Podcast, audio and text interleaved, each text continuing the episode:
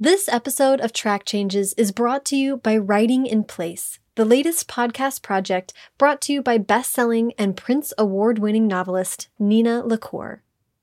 You're listening to Track Changes for practical advice on the publishing industry, but I would advise taking care to protect and nurture your creative side. Nina, whose podcast Keeping a Notebook is already a wonderful source of creative inspiration, has developed a new series within a series called Writing in Place. In each episode, Nina shares a story, a photo, and a writing prompt to give you the space to stay creative and connected, even in deeply uncertain times. Find Writing in Place in the Keeping a Notebook podcast feed and find more information and sign up for her newsletter at ninalacour.com.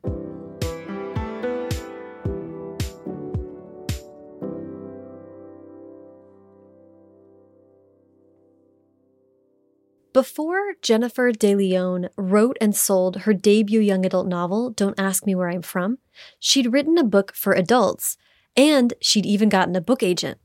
But something just didn't feel right. I felt like with my first agent, I didn't know what I didn't know. Like, Jen wasn't sure how many times she could email her agent. Or if she didn't write me back, you know, within a week, if like that's it, she ghosted me and I better just go and look for another agent. Like, I, I didn't know what was normal. Jen says she didn't even feel comfortable calling her agent. I always felt like if I contacted her, I was actually bothering her. When you spend years honing your craft, dreaming of one day seeing your book on a shelf, it can warp your perception of what working with an agent actually is um, not seeing it as a business relationship, like, you know, which, which it is first and foremost. But when Jen wrote her YA novel, she got a new agent and things changed.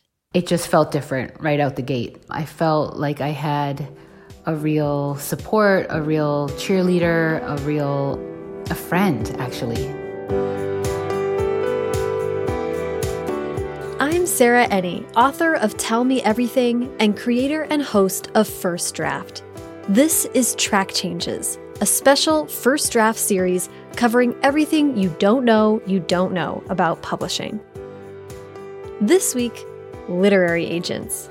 Who are they? What do they do? Why should you get one? How do you get one? And how do you know when it's the right fit?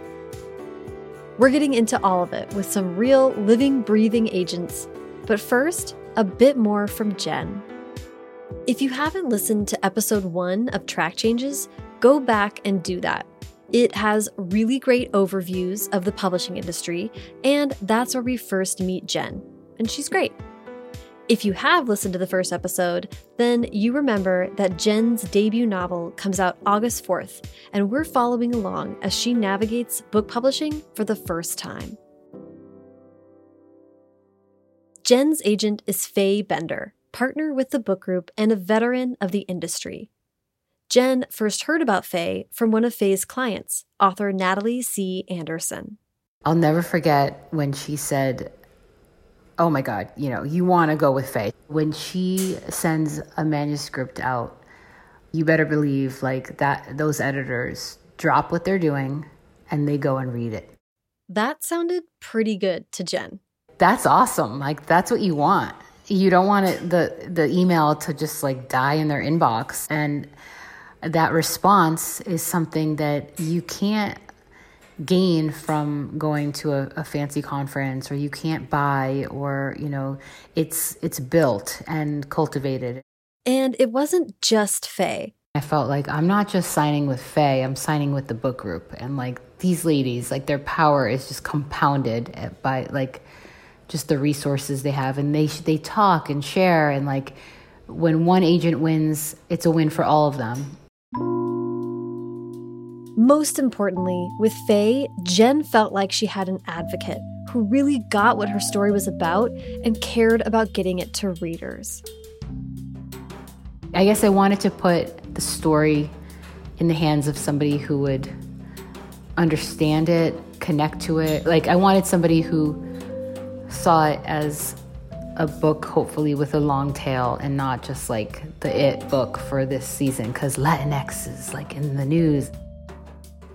Once they were officially agent and client, Faye started showing Jen the ropes. This is my debut novel. Like everything is new. Every experience, meeting, marketing, this, that. It's like for the first time. And for her, she's bringing 20 plus years of experience with multiple authors and their journeys and houses and trends and media. Like she has all of that that she's bringing to our our you know partnership. Jen had a lot of questions, from simple everyday details like, oh my god, I need to rush order business cards, or is that super tacky? Is that like 80s? Like, what am I supposed to do? Like, what's the dress code? Like, am I allowed to post on social media about this? To bigger career scope things. Authors do school visits, right? Like in my mind, this is this is what they do. So I emailed her like, should I have a website page like dedicated to school visits? Like, should I do that? And Faye is always quick to provide guidance. And then she wrote back and said, um, yeah, you certainly can. She was like, but just so you know, a lot of schools don't really bring in authors um, and, and pay authors um, to come in and talk unless you're like a big name author or have like maybe a, two or three or four books out. And so then I'm like, okay. you know, so then it's like, all right, I can do it. I can make a page, not a big deal. But then my expectations aren't like, oh, I'm not like traveling around the country like Jason Reynolds giving like book talks. It's like, of course you're not, nor should you think you should be doing that. Basically, in addition to helping Jen find an editor and sell her book, Faye serves as a guide, a sounding board, and a resource to help Jen tell up from down and left from right as she embarks on her publishing career. In a way, she kind of like takes things off the table, like less for me to freak out about. Like, nah, don't worry about that. And I love that because I am very good at freaking out about things.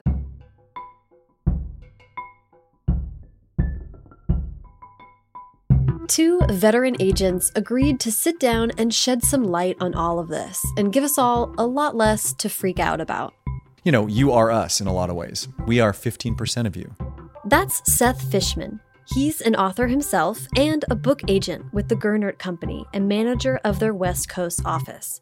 He reps clients such as John Joseph Adams, Ali Almossawi, and Kate Beaton. I think that there's a misconception that the editor is the most important part of a writer's life. But in in reality, it's the agent that you sign first. It's the agent that you're going to be with forever, hopefully. It's the agent who if an agent moves to another agency, you go with them. There is a ton to get into when it comes to understanding the role an agent can play in your publishing career. In, in many ways, I think a lot of the value that we bring is as professional perspective givers. The journey to publishing a book is so fraught that I cannot imagine doing it by yourself. It would be really lonely and hard. and that is Holly Root, a veteran book agent and the founder of Root Literary, who reps clients like Victoria Schwab, Jasmine Guillory, and Christina Lauren. So, okay, Obviously, if you sit and talk to two book agents, they're going to be in favor of authors finding representation with book agents. I think an author should go with an agent no matter what. But let's hear them make the case for why an author should secure representation and agree to pay that agent the industry standard 15% of all earnings. What the agent does is just bring a level of expertise to a business. Remember Jen saying she was scared to call her first agent? She had not yet put their relationship into perspective. Jen just felt lucky to have representation at all. But Seth urges writers to shift that perspective. You got to think about it as you, as a writer, are a business. You are your own business and you hire the agent. We work for you. I know it's a strange power dynamic in that you want an agent really badly most of the time at the beginning. But the truth of the matter is, is that you pay us money for the work that we do. And that work is more than just negotiating contracts.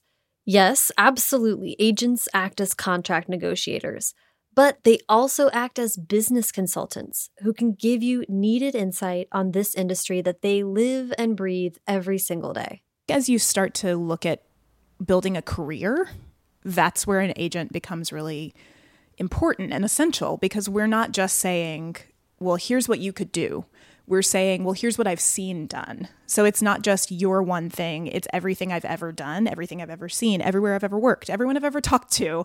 All of that rattling around in my head is what you're basically getting access to when you become someone's client. Um, and it's it's a breadth of knowledge you could never have 300 careers. You, you know, you don't have time and it doesn't work that way. But I can hold in my head 300 different careers that I've seen over the course of my time in the industry and pick and choose from those for strategies and approaches and opportunities for revenue and all of these other things that we can bring to bear for each individual creator. So, if and when you're interested in working with a literary agent, you want to put together a list of agents who might be interested in your work. Jot it down or start a Google Doc or an Excel spreadsheet, whatever works for you, but I highly recommend learning how to make a spreadsheet. It's important to note there is no formal credential for being a literary agent. Anyone can call themselves an agent. So, the next and most important question, in my opinion, is how the heck do you know if an agent is any good? So I always recommend that people who are looking for agents start building a list, um, not get fixated on one sort of dream agent, quote unquote, because I think a lot of that is just like good internet presence most of the time. Um, not that those people aren't great, but like you can't, you just can't fixate on it. You don't actually know how they work. Holly's saying you can't judge a book by its internet presence. Instead, look at the whole picture when deciding who to approach about representation. For starters, who are their clients? Or think about it another way who are authors you love and who write the kinds of things that you write? And who represents them? I think that the acknowledgement game, picking up the book that you love, looking at the acknowledgments, finding the agent there, is the easiest physical way of doing that. And ideally, you're not just looking at like huge name people. Like who represents Stephen King is not necessarily helpful for you um, starting out in the year of our Lord 2020, but who represents that debut novel that Stephen King blurbed might be. And to get more information, for $25 a month, you can get a subscription to Publishers Marketplace. And through their online portal, you can search every agent individually and see what deals they've made in the last six months, 12 months, or throughout their entire career. Check the show notes of this episode for more resources. Another thing to consider is what agency do they work for? Being at a good agency means that the whole agency represents you in some way, shape, or form. So when I was starting out, I had a question. I went to my very experienced boss and asked that question. Being at a great agency gives newer agents access to experience that they themselves don't yet have. You can also try to put yourself in a position where agents come looking for you. Part of a way that you find an agent is almost just putting yourself out there. And this is a question that comes up a lot. Should I be writing short stories or, or, or something along those lines? It, I found my first client by digging through Tin House magazine. If you're writing genre and you're up for an award in the short fiction space, agents will look for you there. So sometimes it's also putting yourself out in ways that do not require an agent, where agents are hunting. Okay, so you found some agents who represent the kind of books that you write and some authors you admire. You've Googled, you've researched, and most importantly, your book has been revised within an inch of its life and is as polished as you can possibly make it. Now you are ready to send out query letters. Can we just stop for a minute and admire this term, query? It's like British for question, right? Well, in publishing in this day and age, a query letter is an email that you send to the email address specifically noted by an agent on their website.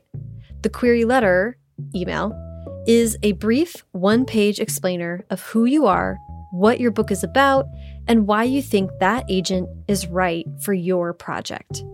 So, one of the things I'll say first is that you really do need to do your research per agent just to follow their guidelines. Just simply follow their guidelines. You know, you want to make things as easy as possible.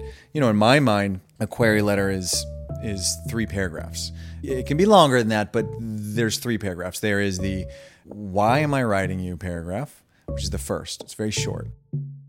This is where your research on who the agent represents can come in handy. Seth suggests something like this Dear Mr. Fishman, I'm writing you because you represent web comics with humor and a distinct point of view, like Kate Beaton's Hark, a Vagrant. The second paragraph, which is can be longer, but I think it's no reason it needs to be, is the synopsis, and um, it tells you about the book. The synopsis. Oh, the synopsis. A lot of work goes into writing a clear, concise synopsis that will make someone, especially an agent, interested in reading your work. There's a ton of great resources out there for how to write a compelling synopsis, so check the show notes of this episode for some links. And then the third paragraph is who you are, which is the paragraph that is your bio that tells you what you've been published in. If you've been published in 500 magazines, list four or five, and then say and others. Uh, you know, your MFA programs you've been in, your anything that sort of helps along those lines. Then, biographical details, if they're helpful. I would love to know what you do for a living, but it's not always important. But when it is important, is when it dif- directly affects the book. So if you're writing a book about a coal miner and you work in the coal mines, then you should reference that because that's something we care about. Then be sure to sign off by thanking them for their time and consideration. This can be an especially useful structure when you're just getting used to query letter writing, but it's not a hard and fast rule. Always stick to the format or other specifications that an agent has laid out on their website. And both Seth and Holly urge you to remember this is a professional communication, and you can stand out most by sending well written, spell checked query letters that get and stick to the point don't worry so much about needing to earn your place. Just worry about giving us a sense of who you are as a creator. Why you wrote the book is nice to know if it has a story, but we don't have to have, you know, pages and pages of I was motivated by from the time I was in kindergarten, um, which is a thing we see all the time. The inner monologue can stay inner. Some of the biggest mistakes that they see in query letters for me, the biggest mistake I see is just that pitches don't make me want to read the book. Um, people forget that the job of a pitch is the same as the job of the copy in the bookstore, which is to convince someone to pick it out of the shelf, the virtual shelf. Um, and people forget to make you want to read the book. They're so caught up in like, why me? Why now? What about this? How do I get in? That they forget that the first job is just buy in. The job of the query letter is to get you to turn the page. At, and and so you can no fancy fonts, no extra lines, no jokes. And I don't and listen, if you're a funny person you want to put some jokes, that's fine. I'm just saying you don't have to risk it. Seth and Holly say the best piece of advice they have is to keep it clean and just get out of your own way. We've looked at so many queries, and to me, I've discovered a correlation, a direct correlation between a sloppy query letter and a sloppy novel. Uh, it just is not a good starting point. People overthink it so much that they actually less is more in a lot of mm-hmm. cases, and they get you just want to make me not say no before I even look at the page. You've polished your book, built your list of agents, and honed a query letter. Now you start sending query letters to agents, not via mass email, making sure to personally tailor every query letter to that agent, following their specifications. There are a few red flags to be on the lookout for, like if an agent asks for any upfront fees, or if an agent offers paid editing services, or refers you to an editing service in exchange for representation. That's how your run of the mill publishing scam operates run, don't walk. And another thing to look out for that's not as alarming, but good to notice if an agent tells you they want an exclusive submission. Seth thinks it's a pretty unfair ask.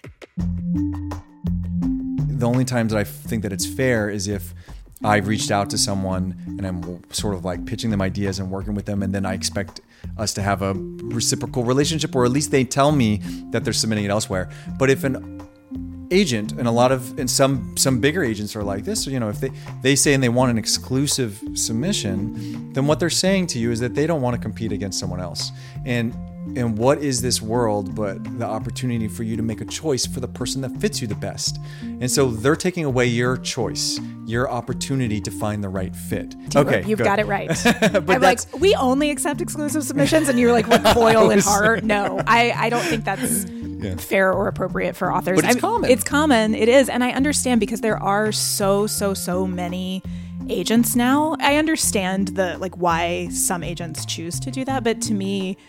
I just sort of run every decision through the lens of like our foundational premise is that we are advocates for authors and like is that right for authors and it to me it does not feel like it is. Okay, once you start sending out query letters, something's going to happen rejection.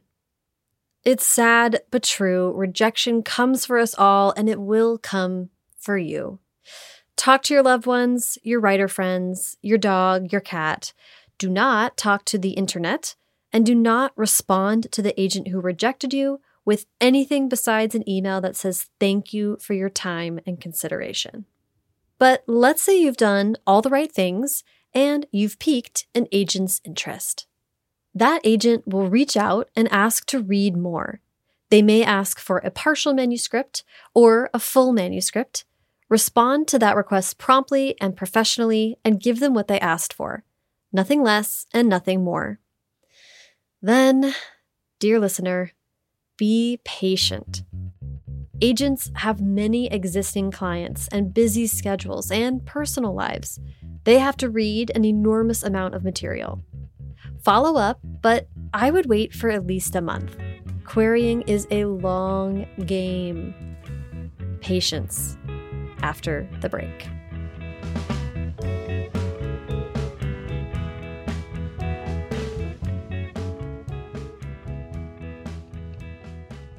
I am so thrilled that our presenting sponsor today is Writing in Place, the new project from Nina LaCour that could not have come at a better time.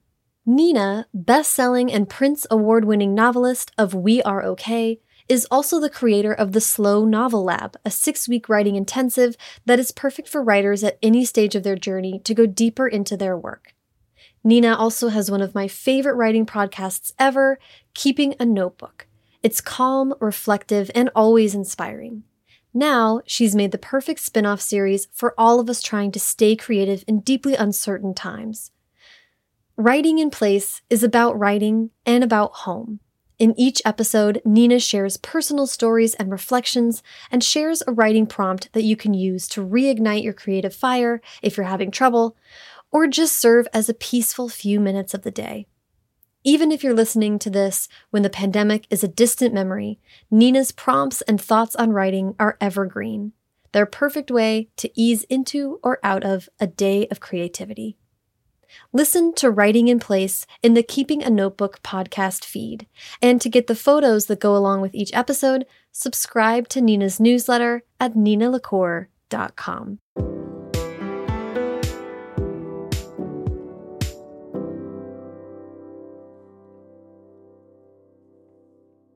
So, an agent read your query and asked to read your book. There's generally three paths that your journey could take from here. One is rejection. To be clear, rejection is pretty much option one at every stage of the publishing journey from here till eternity. Two is that the agent may ask that you do some revising of your manuscript based on notes that they will give you. That's known as a revise and resubmit. It's not uncommon, and it's generally a really good sign. That agent likes your work enough to put the time and effort into giving you feedback. That being said, revise and resubmits or R&Rs are totally optional. You do not have to do them, and you probably shouldn't if you don't like or agree with the agent's notes or how they delivered them. And then there's the third path. The agent really liked your book and they think they might want to represent you. what's next? Then I will usually email the person and see if we can jump on the phone. That's right, the phone. This part can feel a lot like dating someone new. I'm trying to figure out are we do we are we fundamentally aligned on vision? Compatibility is important because your relationship with your agent is for good times and bad. Will you be able to hear me when I tell you things? Because even if everything goes really well, we're going to have hard conversations along the way. There's going to be things that stink, there's going to be things that are frustrating. If we don't hear each other well, we won't be a good pair. One way Seth sees whether he and a potential client would get along well is to see how the writer responds to critique. I like always come with editorial notes because I want to hear how you take them.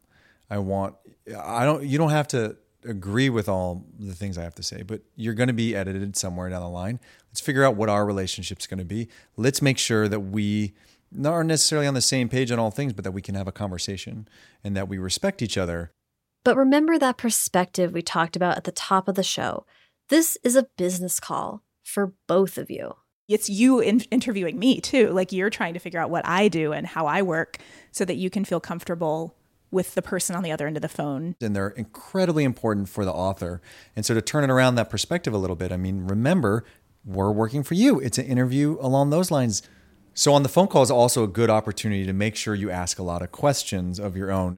But what kinds of things should an author be prepared to ask about on one of these phone calls? Seth recommends that when you're setting up a phone call, ask to see a copy of the agent's typical representation agreement so that you can look that over and then ask any questions you might have on the phone. Holly says how an agent answers those questions can give you valuable insight into how you might work together. If there are things in there that you don't understand, asking the person to explain them to you is an extraordinary opportunity to hear how they talk about contractual language um, and to, to test if you understand them because sometimes people will explain things in ways that make you feel small or silly or like you're bothering them and those are all important clues as to what that fit is going to be like another big thing they recommend going over in the agent phone call subrights those are things like How do you handle foreign rights? Do you directly sell my audio rights? Which we don't do much of anymore because the publishers are snapping them as much as they can. Do you directly sell short fiction? If you care about that, then you really should ask that question because sometimes it's a, it's a, a colleague in the agency who does it. Sometimes it's that person themselves. It's Hollywood film and TV rights. Who they work with? Do they sell things themselves? Do they attach themselves as producers? Uh, is that a, is that something you're okay with? And Holly says questions about revisions can be revealing for both parties. I tend to work with editors who are pretty hands on. And so a client who is not interested in revision is probably someone who's not going to work well with the people I work well with. That phone call is also a good time to establish expectations for communication going forward. I think things like who am I working with regularly is a great question. Like, will I talk to your assistant?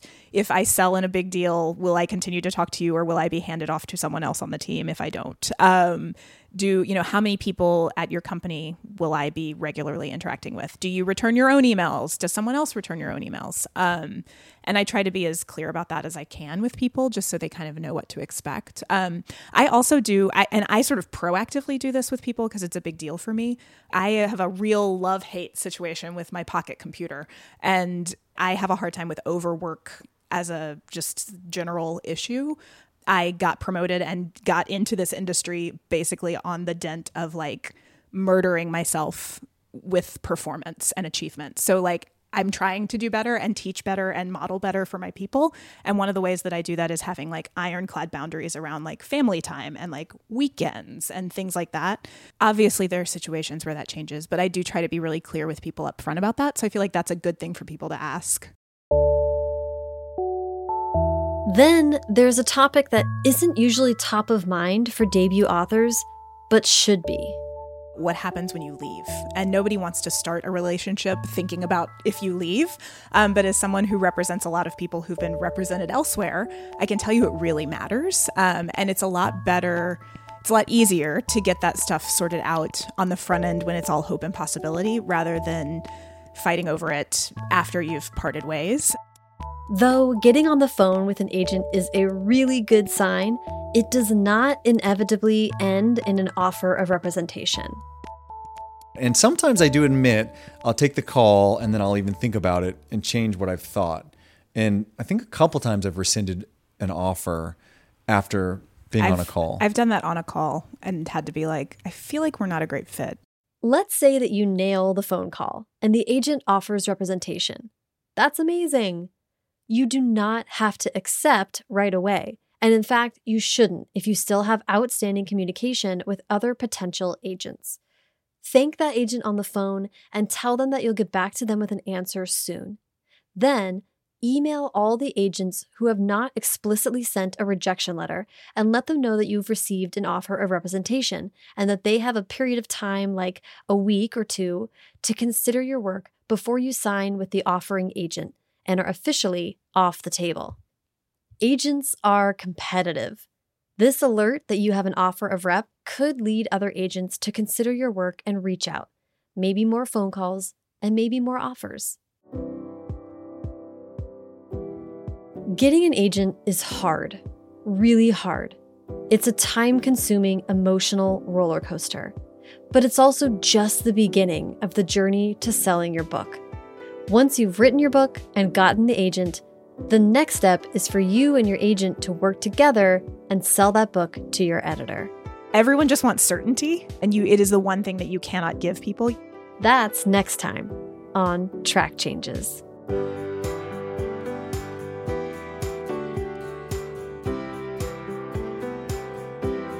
You can follow Seth Fishman at Seth as Fishman on Twitter and Holly Root at H Root, and find Jennifer DeLeon at jenniferdeleonauthor.com. You can follow me at Sarah Enni on Twitter, Instagram, and everywhere. Follow at First Draft Pod on Twitter and Instagram, and head to firstdraftpod.com slash track changes for more information and updates on track changes. You can also join the First Draft Facebook group. That's at facebook.com slash firstdraftpod. Join the group and be a part of the conversation. If you're ready to go deeper on the publishing process and get some original industry reporting from me, sign up for the Track Changes newsletter. For $5 a month, the Track Changes newsletter will hit your inbox every Thursday with information that provides context, up to date, and behind the scenes data that will educate and empower you no matter what stage of the publishing journey you're at. Sign up for a 30-day free trial at firstdraftpod.com slash trackchanges. You can support Track Changes by subscribing to the First Draft with Sarah Enni podcast, wherever you're listening to this right now. And please leave a rating or review on Apple Podcasts. It only takes a couple minutes and it helps the show a ton. First Draft also participates in affiliate programs. That means that when you shop through the links at firstdraftpod.com, you're helping support the show at no additional cost to you. And First Draft is an affiliate of bookshop.org, so it's also benefiting independent bookstores. If you'd like to donate to Track Changes or First Draft, either on a one-time or monthly basis, go to paypal.me slash firstdraftpod. Track Changes is produced by me, Sarah Enni, and Hayley Hershman. Zan Romanoff is our story editor. The theme music is by Dan Bailey, and the logo was designed by Colin Keith.